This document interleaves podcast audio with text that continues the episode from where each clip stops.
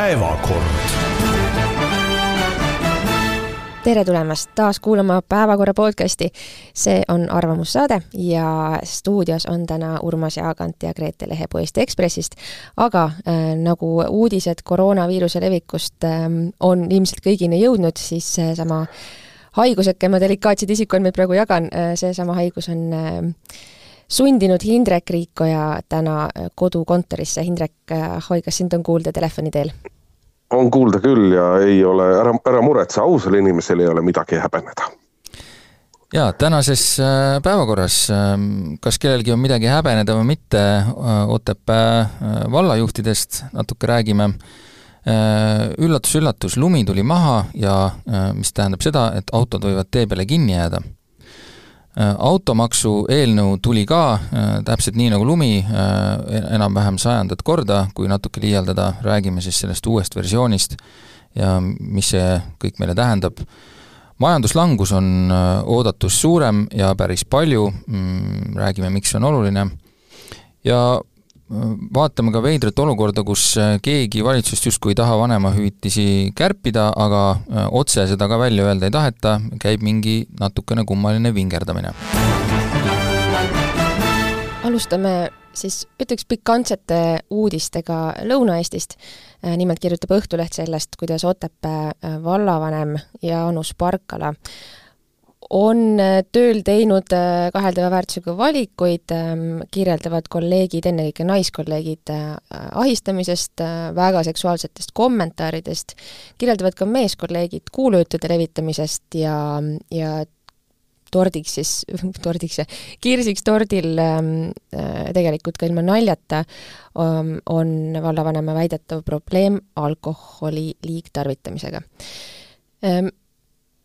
niisuguseid lugusid lugedes kindlasti äh, e-, esimene mm, esi, esiteks saab rahuldatud see uudishimu, et ohoh-ohoh, mis toimub ja, ja et päris, päris pikantne olukord. aga tegelikult sinna taha mõeldes ähm, ähm, minu meelest see avab ähm, ja noh, et, et seesama vallavanem Jaanus Parkala eitab kõike, ta ütleb, et ähm, et on mingisugune kättemaks tema vastu äh, õhus, äh, täpsemalt ei seleta, et äh, mida talt siis välja pressitakse või mille eest kätte makstakse, ähm, aga, aga see teema on ikkagi oluline üles tõsta, sellepärast et esiteks, kui need, need süüdistused, mis tema suunas tehakse, on usutavad, kuna need tulevad mitmete-mitmete allikate suust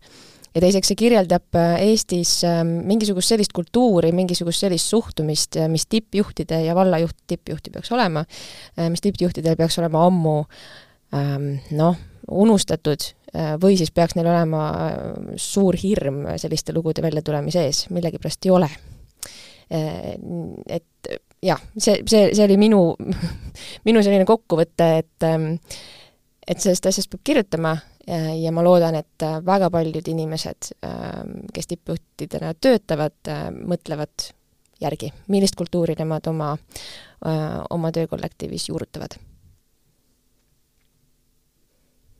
noh, selle kõige peale ei oskagi nad, eks ole, midagi, midagi kosta. Polegi nagu vaielda, no siis lähme edasi. jah, nii nagu igal pool mujal, eks ole, esimese hooga võtab maad vaikus, et noh, ma olen, ma olen täiesti veendunud, et et, et suur osa sellest, mis, mis kirjutatud on, et suur osa sellest või, või mingi osa sellest, ütleme siis niimoodi, on nagu ülepaisutatud, aga sellest hoolimata nagu see on lihtsalt pentsik, kuidas meil on olnud nii palju skandaale nende asjade ümber ja me võime lõputult rääkida sellest, et, et et põrkuvad erinevad maailmad, tänapäevased noored näevad asju teistmoodi, tajuvad asju teistmoodi kui võib-olla inimesed, kes on seal juba üle õitsva keskea aga kõik see taandub ikkagi selleni, et, et isegi need, et isegi kui see on niimoodi, et Gretele võivad, et, et minule võivad tunduda asjad, normaalsed asjad, mis Grete jaoks ei tundu äh, normaalsed, siis, siis mina ja minust vanemad peame leppima ja peame arvestama sellega, et nendest asjadest saadakse teistmoodi aru ja me peame lihtsalt oma käitumist äh, vahel võib-olla väevõimuga väevõimuga lihtsalt nii-öelda arvestama, leppima ja kohandama sellele, et, et, et sellistel asjadel ei ole, ka, ka kõige leebematel asjadel ei ole tänapäeval enam lihtsalt õigustust. ja et sellest ühes vallavalitsuses aru ei saada, noh, ma ei, ma ei kujutaks ette, et, et kuskil meediasektoris äh, saaksid ligid lähedaseltki sellised asjad toimuda, nagu, nagu praegu meil Otepääst räägitakse jah, see on, see ongi natuke, me oleme varem kuulnud äh, no sellise selgitusena siin mõnedel puhkudel, et mingi inimene, ah ta ongi selline joviaalne ja, ja või ma ei tea, armastabki sellist äh, ma ei tea, allapoole vöödnalju näiteks või midagi sellist, et et äh, see on kõik nagu selles mõttes mõistetav, võib-olla mõni inimene kindlasti ongi ja mõni inimene armastabki niisugust nalja, ainult et siis, siis on nagu mõtlemise koht, et kas see inimene peab tegema seda tööd, mis ta teeb, et äh, kui ta ei oska, kui ta ei oska seda nagu nii-öelda registrit vahetada, äh, siis kui ta on näiteks oma tuttavatega või sõpradega saunas või kui ta on mingisugusel töökohtumisel või oma tööpaigas isegi, on ju, et et selles mõttes jah, see nagu iseloomu asi ka nagu selles mõttes vabanduseks ei sobi, et lihtsalt kindlasti on ka väga palju asju, mida saab nagu elus teha, kus, kus ei ole see mingi probleem, et, et sellised noh, oletame, et on naljad, on ju, me praegu veel ei tea kindlalt, on ju, mis seal oli, aga noh, kõige leebemal juhul oletame, et seal on mingid naljad olnud, on ju, et siis, et siis need et äh, need jääksid siis äh, sellesse ringi, kus neid nagu mõistetakse ja nagu tolereeritakse. Ja nii lihtsalt ongi, et et noh, muidugi äh, eks siin, eks siin saab olema jälle sellesama juhtumiga nagu paljude teistega, see tõendamise küsimus ja muud sellist, et mingid inimesed räägivad. Mm.. aga neid inimesi on ikkagi üle kümne? nojah, üle kümne. On siin olnud ka teisi juhtumeid, kus on olnud palju rääkijaid, aga lihtsalt ongi, et kuidas see seda, kui asi jõuab kuhugi nii-öelda juriidilisele tasandile, et kuidas seda siis nagu ära tõestatakse ja nagu me teame, siis Äh, kohtutes väga tihti ei lähe nii, et, äh, et kui on kellegi sõna, siis sellest nagu piisab no vaadake, miks peab ei no mis, mis me siin keeruta-... tasandile, et see ei ole üldse ei, ei peagi, vaata... aga lihtsalt see asi võib seal lõppeda. aga tihtipeale me siiski peame, et tuletame nüüd Aivar Mäe kaasust meelde, et äh, Aivar Mäe löödi, löödi meedias ja ajakirjanduses risti, talle pandi süüks väga palju äh, väga erinevaid asju. see on meie jaoks uskumise küsimus, kas me usume Aivar Mäed või me usume neid, kes teda kritiseerisid. aga kui me, aga kui me vaatame ju, oota, luba ma lõpetan, aga kui me vaatame juriidiliselt, siis Aivar Mäed ei mõistetud mitte üheski episoodis õigeks või süüdi Sajad... mis on, mis on see, mis, millised on need faktid, mille põhjal me näituseks saame tagantjärgi äh, Aivar Mäed süüdistada ja ma ei ütle siinkohal, ma, ma ei väljenda mitte siinkohal mitte seda, mis mina Aivar Mäe kaasusest arvan, kas ma usun või ei usu, ma küsin seda, et millise, millised süüdistused Aivar Mäe puhul näiteks said tõestatud? meil on muidugi aeg juba järgmist teemat vahetada, aga ma ei saa jätta kommenteerimata, et küsimus ei ole selles, et kas asi läheb kuskile paragrahvi alla. selleks meil ongi ajakirjandus, selleks meil ongi ühiskond ja selleks ongi omavahelised suhted ja suhtlemine, et me saaks aru, et kuskohast läheb normaalne piir, normaalsuse piir. kõike ei saagi panna eh, kuidagi ehm, paragrahvi alla. ja see olekski väga kummaline, kui me, kui kui inimesed, kellel on probleem, saaksin rääkida ainult juhul, kui, kui see läheb sinna paragrahvi, et, et et kui politsei ei saa aidata, kui meil ei ole nagu mingit tõendit, et siis me, siis, siis nendel ohvritel ei olegi nagu võimalust kuskil rääkida. et äh, Otepää äh, vallavalitsuse töötajad äh, peaksid hoidma suu kinni, sest neil ei ole nagu otseseid tõendeid, et valla, et see on nagu, me ei tahaks, et oleks Eestis ju moraalipolitsei et, et see, see mingi asi ongi see, mida ühiskond peab panna... ise ära reguleerima ja kõige hullem lihtsalt on see, et äh, olla avalik teenistuja on privileeg. see ei ole nagu asi, et keegi on su pannud jumala staatusesse, saad kästa puue ja lasta. Inimesed peavad tajuma seda vastutust ja vastutust ka moraali mõttes käitumise mõttes. ja ka jumala staatusesse ei saa panna ka ajakirjandust, kes saab,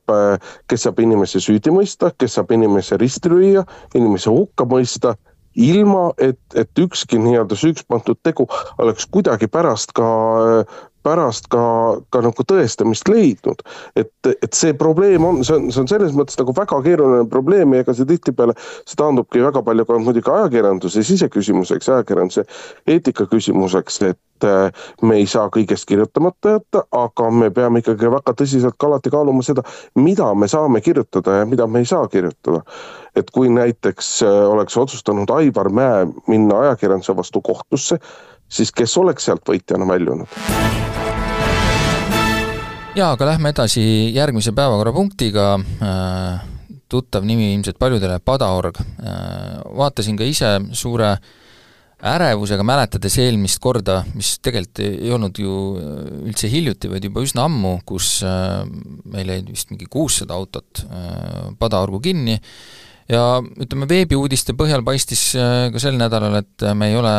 millegi taolise kordumisest kaugel, kus mitme kilomeetri jagu juba jõudis tekkida Padaorus autode kolonn, kes olid jäänud lumme kinni. Ja ütleme, tagantjärgi võiks öelda, et võib-olla ei olnud see torm nii jube, minu teada ei ole sellele ka ametlikult nime välja öeldud, mis seal tormil oli, tavaliselt neil kõigil on, aga aga eelmine kord, aastal kaks tuhat kümme vist umbes oli ta, oli ta Monika, seekord tal,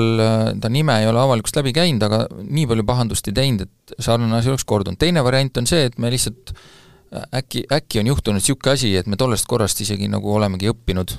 ja juba äh, läks asi paremini, päästetööd õnnestusid äh, kiiremini, ainukene asi, mis mulle tundub, kus ei ole õpitud, on autojuhid. Äh, olete te minuga nõus?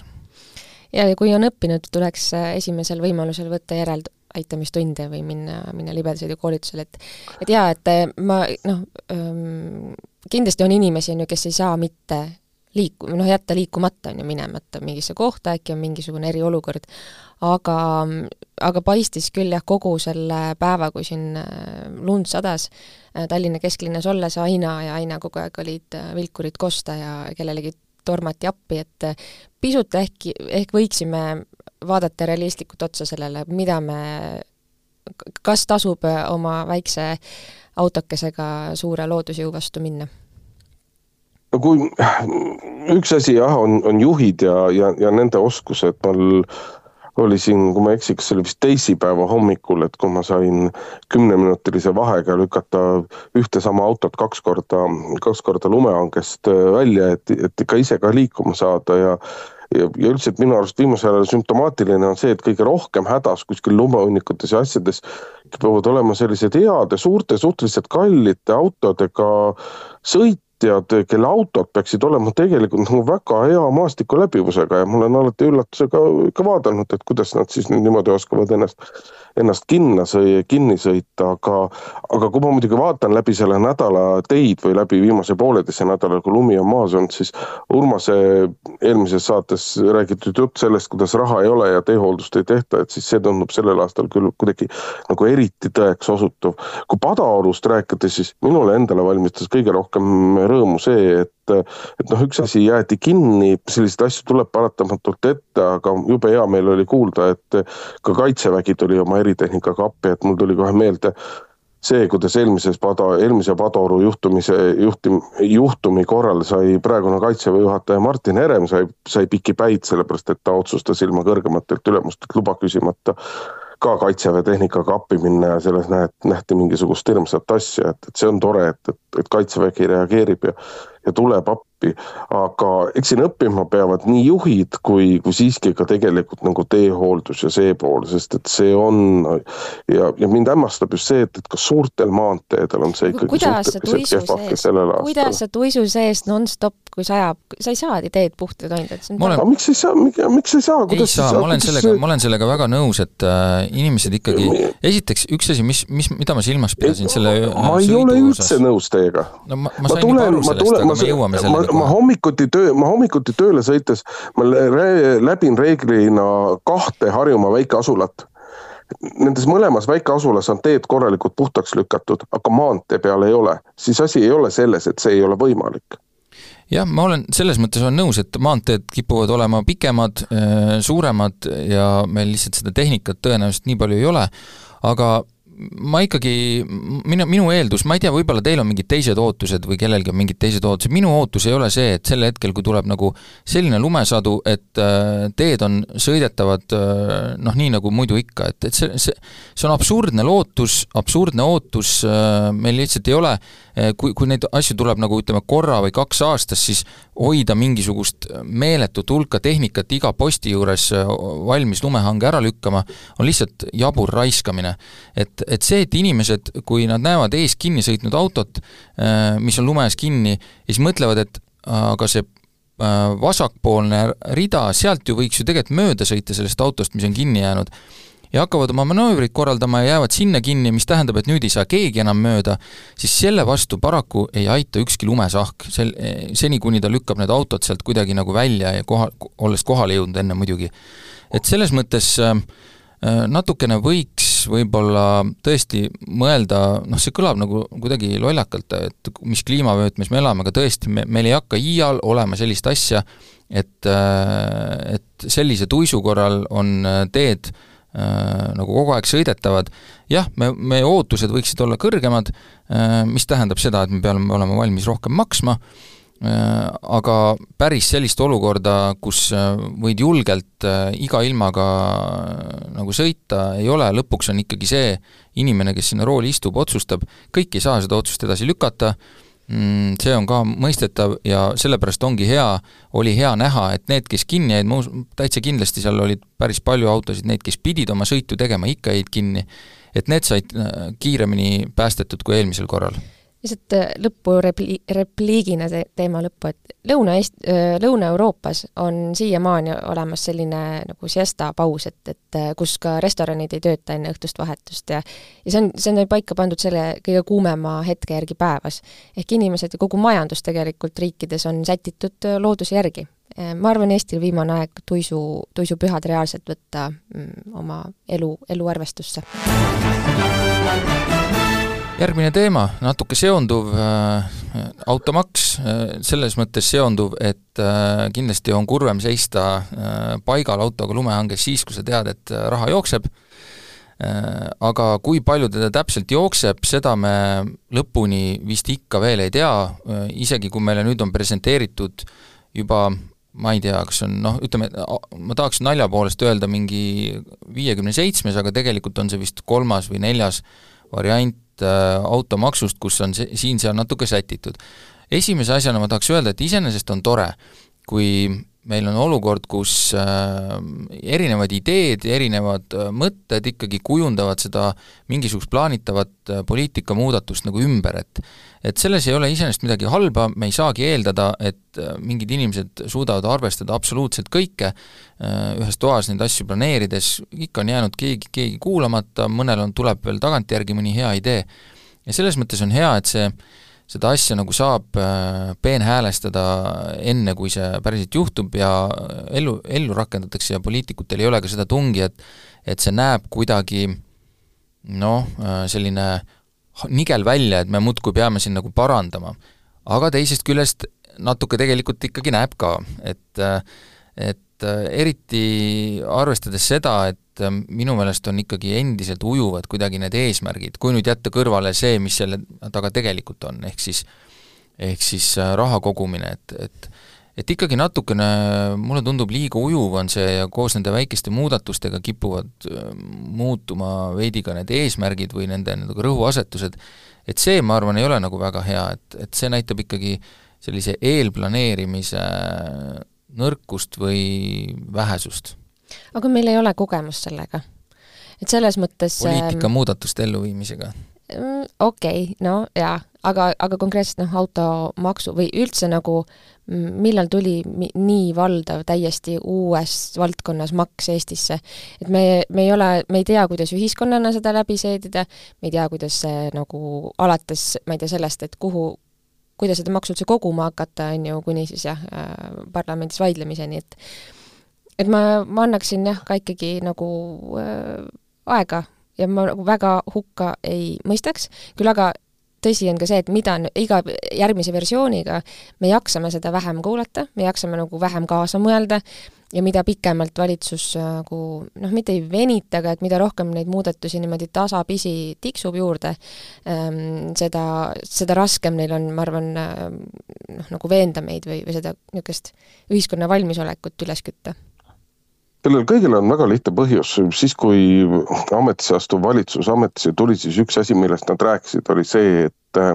et kui me midagi teha tahame, siis me arvestame erinevate osapoolte arvamusi, me teeme korralikud mõjuanalüüsid, me teame, kuidas üks või teine asi, mida ta tähendab, kuidas ta mõjub, kuidas ta puudutab seda, teist või kolmandat ühiskonnagruppi.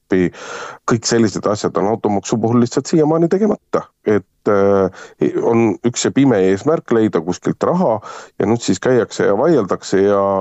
ja ega see, mis praegu on välja tulnud, eh, see on ju kõike muud kui viimane. Äh, sellepärast, et noh, siiamaani ei ole ju valitsuses kokkulepet sellest, mis saab puuetega inimestest, mis saab äh, suurtest peredest, mis saab auto vanuse arvestamisest, mis saab ajutiselt registrisse eemaldatud autodest. ja noh, Eesti kakssada on siin ka praegusel hetkel võtnud nii-öelda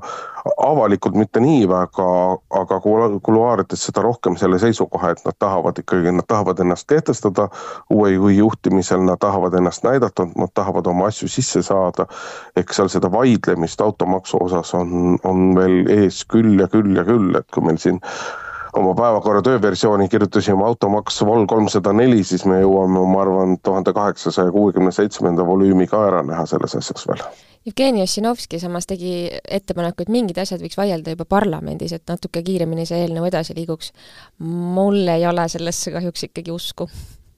jah, väga suurt usku. küll ei kujuta kujuta ette, kuidas parlamendis saab nagu mingisugune, mingisugune selgus või midagi tulla, et seal lähevad asjad pigem nii-öelda praegusel hetkel ikka väga üle kivide ja kändude, et äh, me tegelikult liigume järjest rohkem selle poole, et järgmisel aastal, järgmisel aastal automaks kindlasti veel kehtima ei hakka, kas ta hakkab ülejärgmiselgi aastal ja kas teda üleüldse tuleb?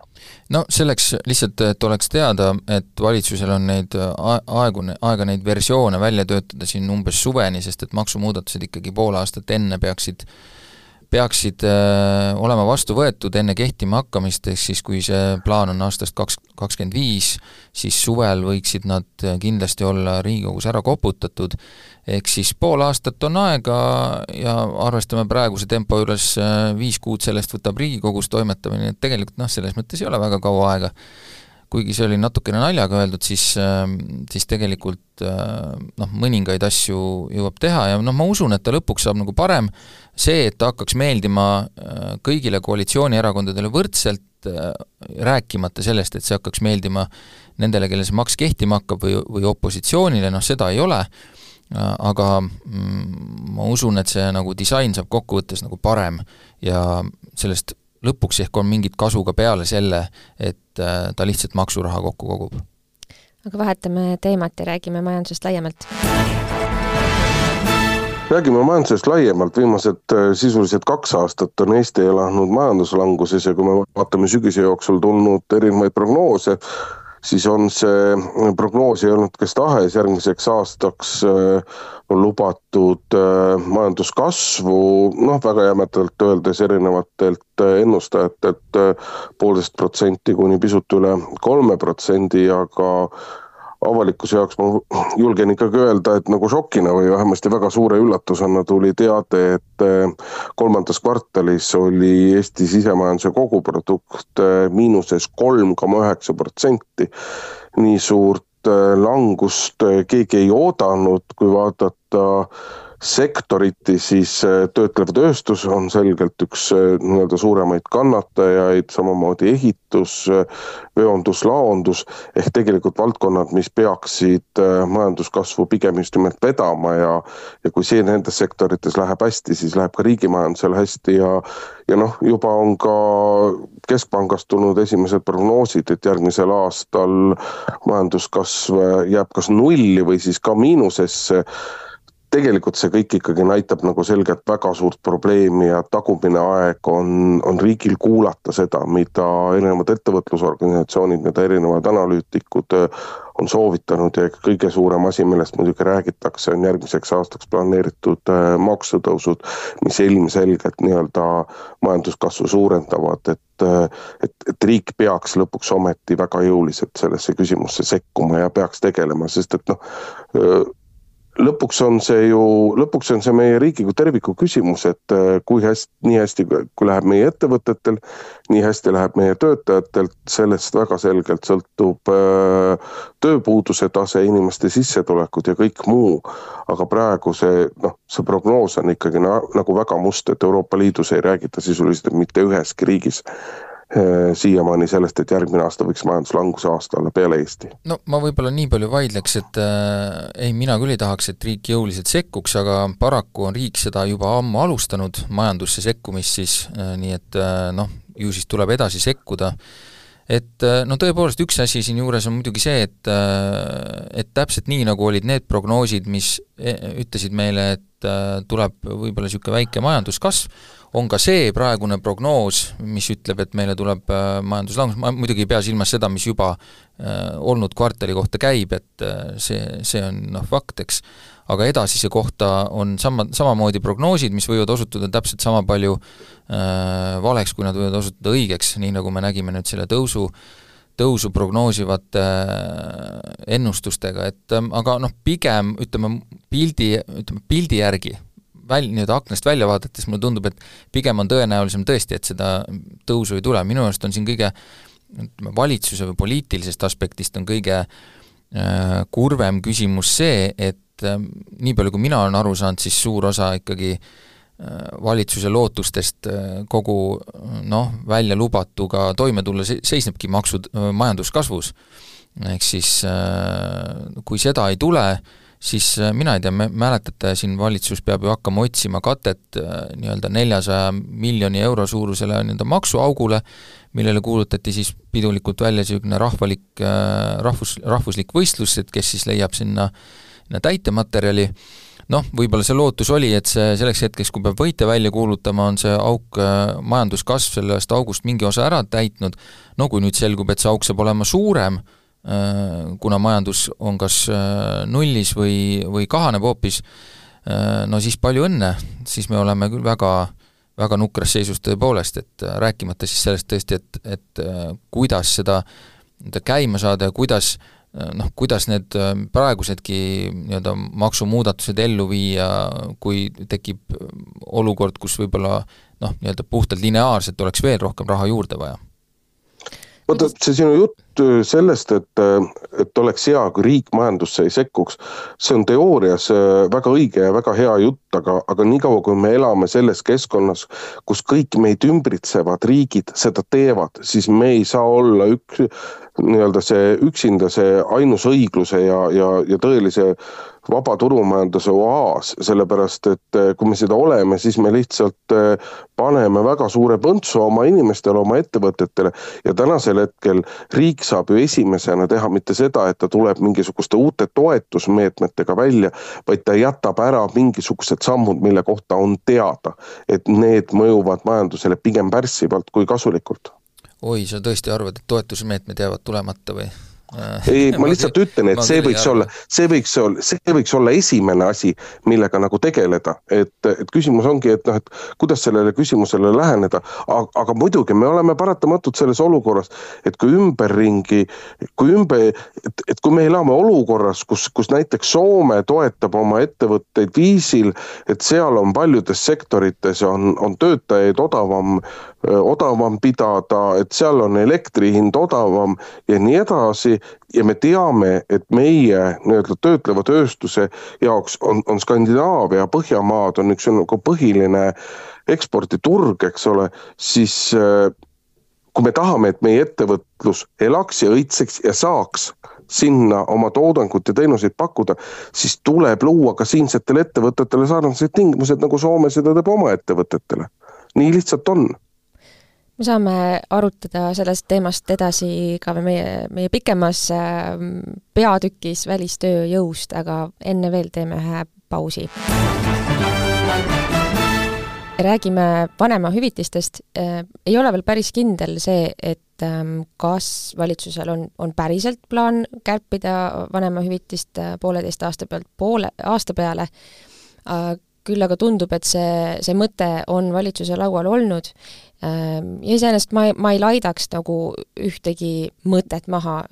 asjana nagu, et kui, kui meil siin nagu püütakse eelarvet kokku lahti pakkida ja vaadata, missugused nurgatagused äkki on veel läbi valgustamata, et et miks mitte noh, arutleda nende asjade üle ja, ja on siin öelnud ka valitsuse liikmed suvel ka, et, et me, me ei saa kõikidest nendest hullumeelsetest ideedest isegi rääkida, et et see oleks, kõlaks väga äh, hirmutavalt võib-olla inimestele. Ja tundub, et see vanemahüvitise võimalik piiramine mm, hirmutab ka inimesi. Äh, ja, ja võib-olla ma isegi, ma isegi kalduks sinnapoole tõesti, et et see äh, äkki ei peaks seda kaaluma. et siin on noh, palju, eks me saame ilmselt kuulda seda nüüd ühiskonnas, et äh, poolt, poolt ja vastu argumente kõvasti, aga aga minu arust see on Eestis ähm, niisugune mm, ainulaadne ja positiivne, positiivne asi, mis meil on, miks mitte seda hoida.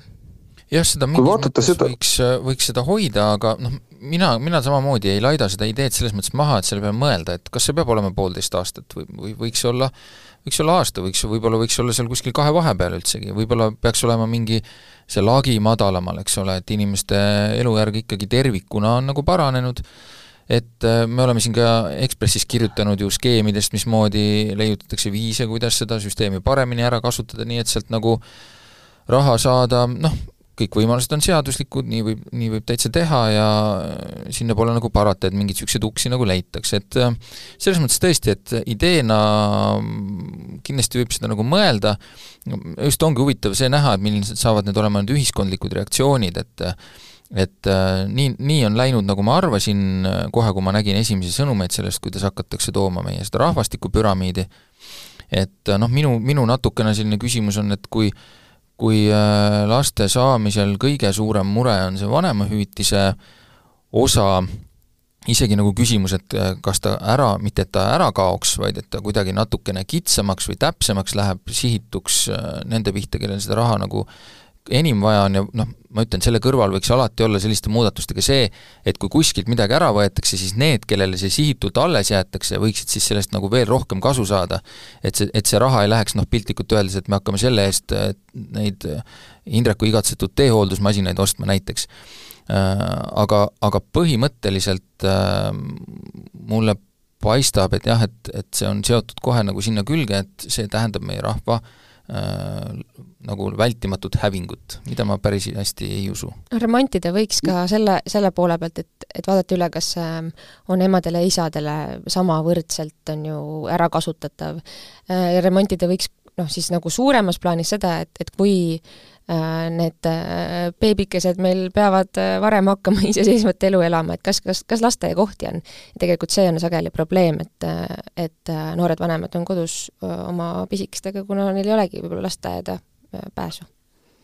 minu jaoks on ausalt öeldes arusaamatu, kuidas me üldse oleme jõudnud nagu juba teema juurde, et et hakata vanemahüvitist vähendama, et see, millega Sotsiaalministeerium välja on tulnud või, või see mõte, mida Sotsiaalministeerium on väljendanud, olen siin raadiojaamu kuulnud, lugusid luge-, artikleid lugenud, et eesmärk on ju tegeleda probleemiga, et Eestis sündivus on ajaloo kõige madalam. Ja kõlab, eks ole, võib-olla küüniliselt ja liialdatud, aga riik riik on jätkusuutlik ainult sellisel juhul, kui riigis on äh, võimalikult palju ja võimalikult rohkem inimesi, et oleks töötegijaid, et oleks maksumaksjaid, et majandus saaks õitseda, riigil läheks hästi. ja kui me lahendame nagu probleemi, kus meil on mõne aastaga sündivus kukkunud neljateist tuhande pealt kümnele tuhandele ehk peaaegu noh, ütleme kakskümmend viis protsenti, et siis äh, kuidas saab alustada sellest, et, et me hakkame nagu vanemahüvitist äh, kärpima? et äh, kui me vanemahüvitist kärbime, siis me selle abil ju kohe päris kindlasti sündivust ei suurenda, et kui me vaatame värsket statistikat, siis meie probleem on see, et esimene laps saadakse järjest hiljem ja sellele teist ja kolmandat last nagu järgi ei tule. et, äh, et, see on see on ju probleemile täiesti valest otsast nagu lähenemine või me peaksime siis ikka või peaks riik siis ausalt ikkagi ütlema, et me üritame, et, et järgmine koht, kus me üritame laste pealt kokku hoida. ega see ei ole ju, vanemhüvitis ei ole ju nagu tasu, mida riik maksab inimestele, et nad väikseid eestlasi juurde toodavad. seda ei saa päris ju nii vaadata. et see, see lapse saamise otsus on ju palju laiem Äh, ja ma arvan, et seesama majanduslangus, millest sa siin kõiki meid hurjutasid, et see läheb aina hullemaks ja hirmsamaks, mis meid ees ootab, see on palju suurema kaaluga ilmselt, see ebakindlus kogu maailmas üleüldse, et ähm, ma arvan, need on nagu jah vanem. ei, ma olen absoluut-, ma olen absoluutselt nõus, minul isiklikult ei ole enam, enam sooja ega külma sellest, kui palju vanemus, vanemahüvitist makstakse, et minu elu see, see noh, väga suure tõenäosusega ei puuduta, ei puuduta enam üldse. aga kui me räägime sellest, et meil on tarvis sündimust kasvatada ja meil on tarvis teda hüppeliselt kasvatada, siis selle nii-öelda esimene teema sellest ei saa kindlasti olla vanemahüvitise kärpimine et see esimene teema peab olema kuskilt midagi muud ja, ja jälle tegelikult ma näen seda, et puudu on, puudu on see küsimus, et, et, et head noored inimesed või, või alla keskea inimesed, et miks te ei saa lapsi, mis on need takistused ja sealt peaks hakkama, et kus kohas on need analüüsid, mõjuanalüüsid, erinevate osapooltega rääkimised ja nii edasi. et, et see on lihtsalt noh, nagu täiesti, see on täiesti valest otsast nagu äh, alustamine ja, ja, ja igalt poolt paistab jällegi välja see, et, et me üritame kokku hoida ja esimene kohtumine, kus me hakkame kokku hoidma jälle, on jälle lapsed. no kas sul tund-, kas sul tõesti hakkab tunduma, et me tahame kokku hoida, minu arust valitsus on seda päris selgesti väljendanud, et nad tahavad kokku hoida, noh et võib-olla tuleb nagu üllatusena, et äkki, et on ka selle valdkonna peale mõeldud, aga minu arust on, lihtsalt siia lõpetuseks mainiks ära sellise võib-olla sellise natukene torke, et Äh, siis, kui tõsteti siin suure pere toetusi, siis oli küllalt palju inimesi neid, kes ütlesid, et see ei pane ju küll kedagi sünnitama ega lapsi juurde tulema ja nüüd, kui öeldakse, et mingisugust äh, sellist toetust võetakse vähemaks, siis selle peale öeldakse, et aga lapsi selle peale jääb kohe vähemaks, et huvitav, et et raha nagu, sularaha nagu ühtepidi töötab ja teistpidi nagu ei tööta, et äh, see on sa on natukene demagoogitsed, sellepärast et no, need, et, et see oli ka suhteliselt väike vähemus, kes ütles, et et ega siis see midagi ei mõjuta ja ega see mingisugust rolli ei mängi, et kui sa ka toonaseid küsitlusi ja, ja ka neid küsitlusi, mida ajakirjanduses tehti, äh, meenutada, meenutad, siis ega valdav osa peredest ikkagi rääkis, et see on väga, et seal on väga selged seosed mitte see ei ole, et, et ega siis sellest nüüd midagi ei muutu. et need olid väga üksikud, kes sellist seisukohta avaldasid ja, ja, ja noh, ma julgen küll teha selle üldistuse, et, et noh, see ongi nii-öelda väga, väga väikse osa ühiskonna vaade, kui me räägime lastega peredest nii, aga meie viimane teema, mille küll peame ka saate lõppu, lõpp jõuab halastamatult kätte, peame ka üsna kiiresti läbi kappama selle, puudutab välistööjõudu. Äh, eelviimase ehk siis äh, Eesti majanduslangusega äh, ettevõtjate arvest, arvates see kindlasti seostub kas ka e eelneva teemaga, mis me rääkisime, võime, võime võib-olla arutada. igatahes ähm, Eesti mitmed majandussektorid vajavad, vajavad ähm, välistööjõudu, sellepärast et Eestis ei ole kas oskustöölisi ehk siis piisavalt, piisavalt haritud ähm, kogenud inimesi, kes neid ametiposte täidaks, näiteks insenere, ähm, või siis ka ei ole ka nii-öelda lihttööjõudu, kes äh, võib-olla tööst-, tööstuses rohkem osaleks. ehk siis äh, Eesti peaks kuidagi leidma viisi, kuidas äh, Äh, avada uksed äh, legaalselt ja targalt äh, välistööjõule. ja võib-olla lihtsalt mainin ära, et näiteks ehitussektoris kakskümmend kaks protsenti oli kahekümne esimesel aastal välistööjõu osakaal ja metsanduses üheksateist protsenti. ja et need on, need on päris suured osakaalud. jaa, aga inimesi oleks juurde vaja. ma, ma arvan, selles mõttes tuleks võib-olla riigil tõesti äh, leida viise, mm, kuidas neid piiranguid lõdvendada ja, ja lõigates ära Hindreku võimaliku monoloogi Rootsi või muu teemadega, kus on immigratsioon, immigrantidega suur probleem või ka migrantidega, kes on nagu võõrdunud ühiskonnast, et et kui me, kui me toome need inimesed siia mm,, lubame nad meie riiki äh, raha teenima viisil, mis nad kohe tegelikult seob siia oma isikliku nagu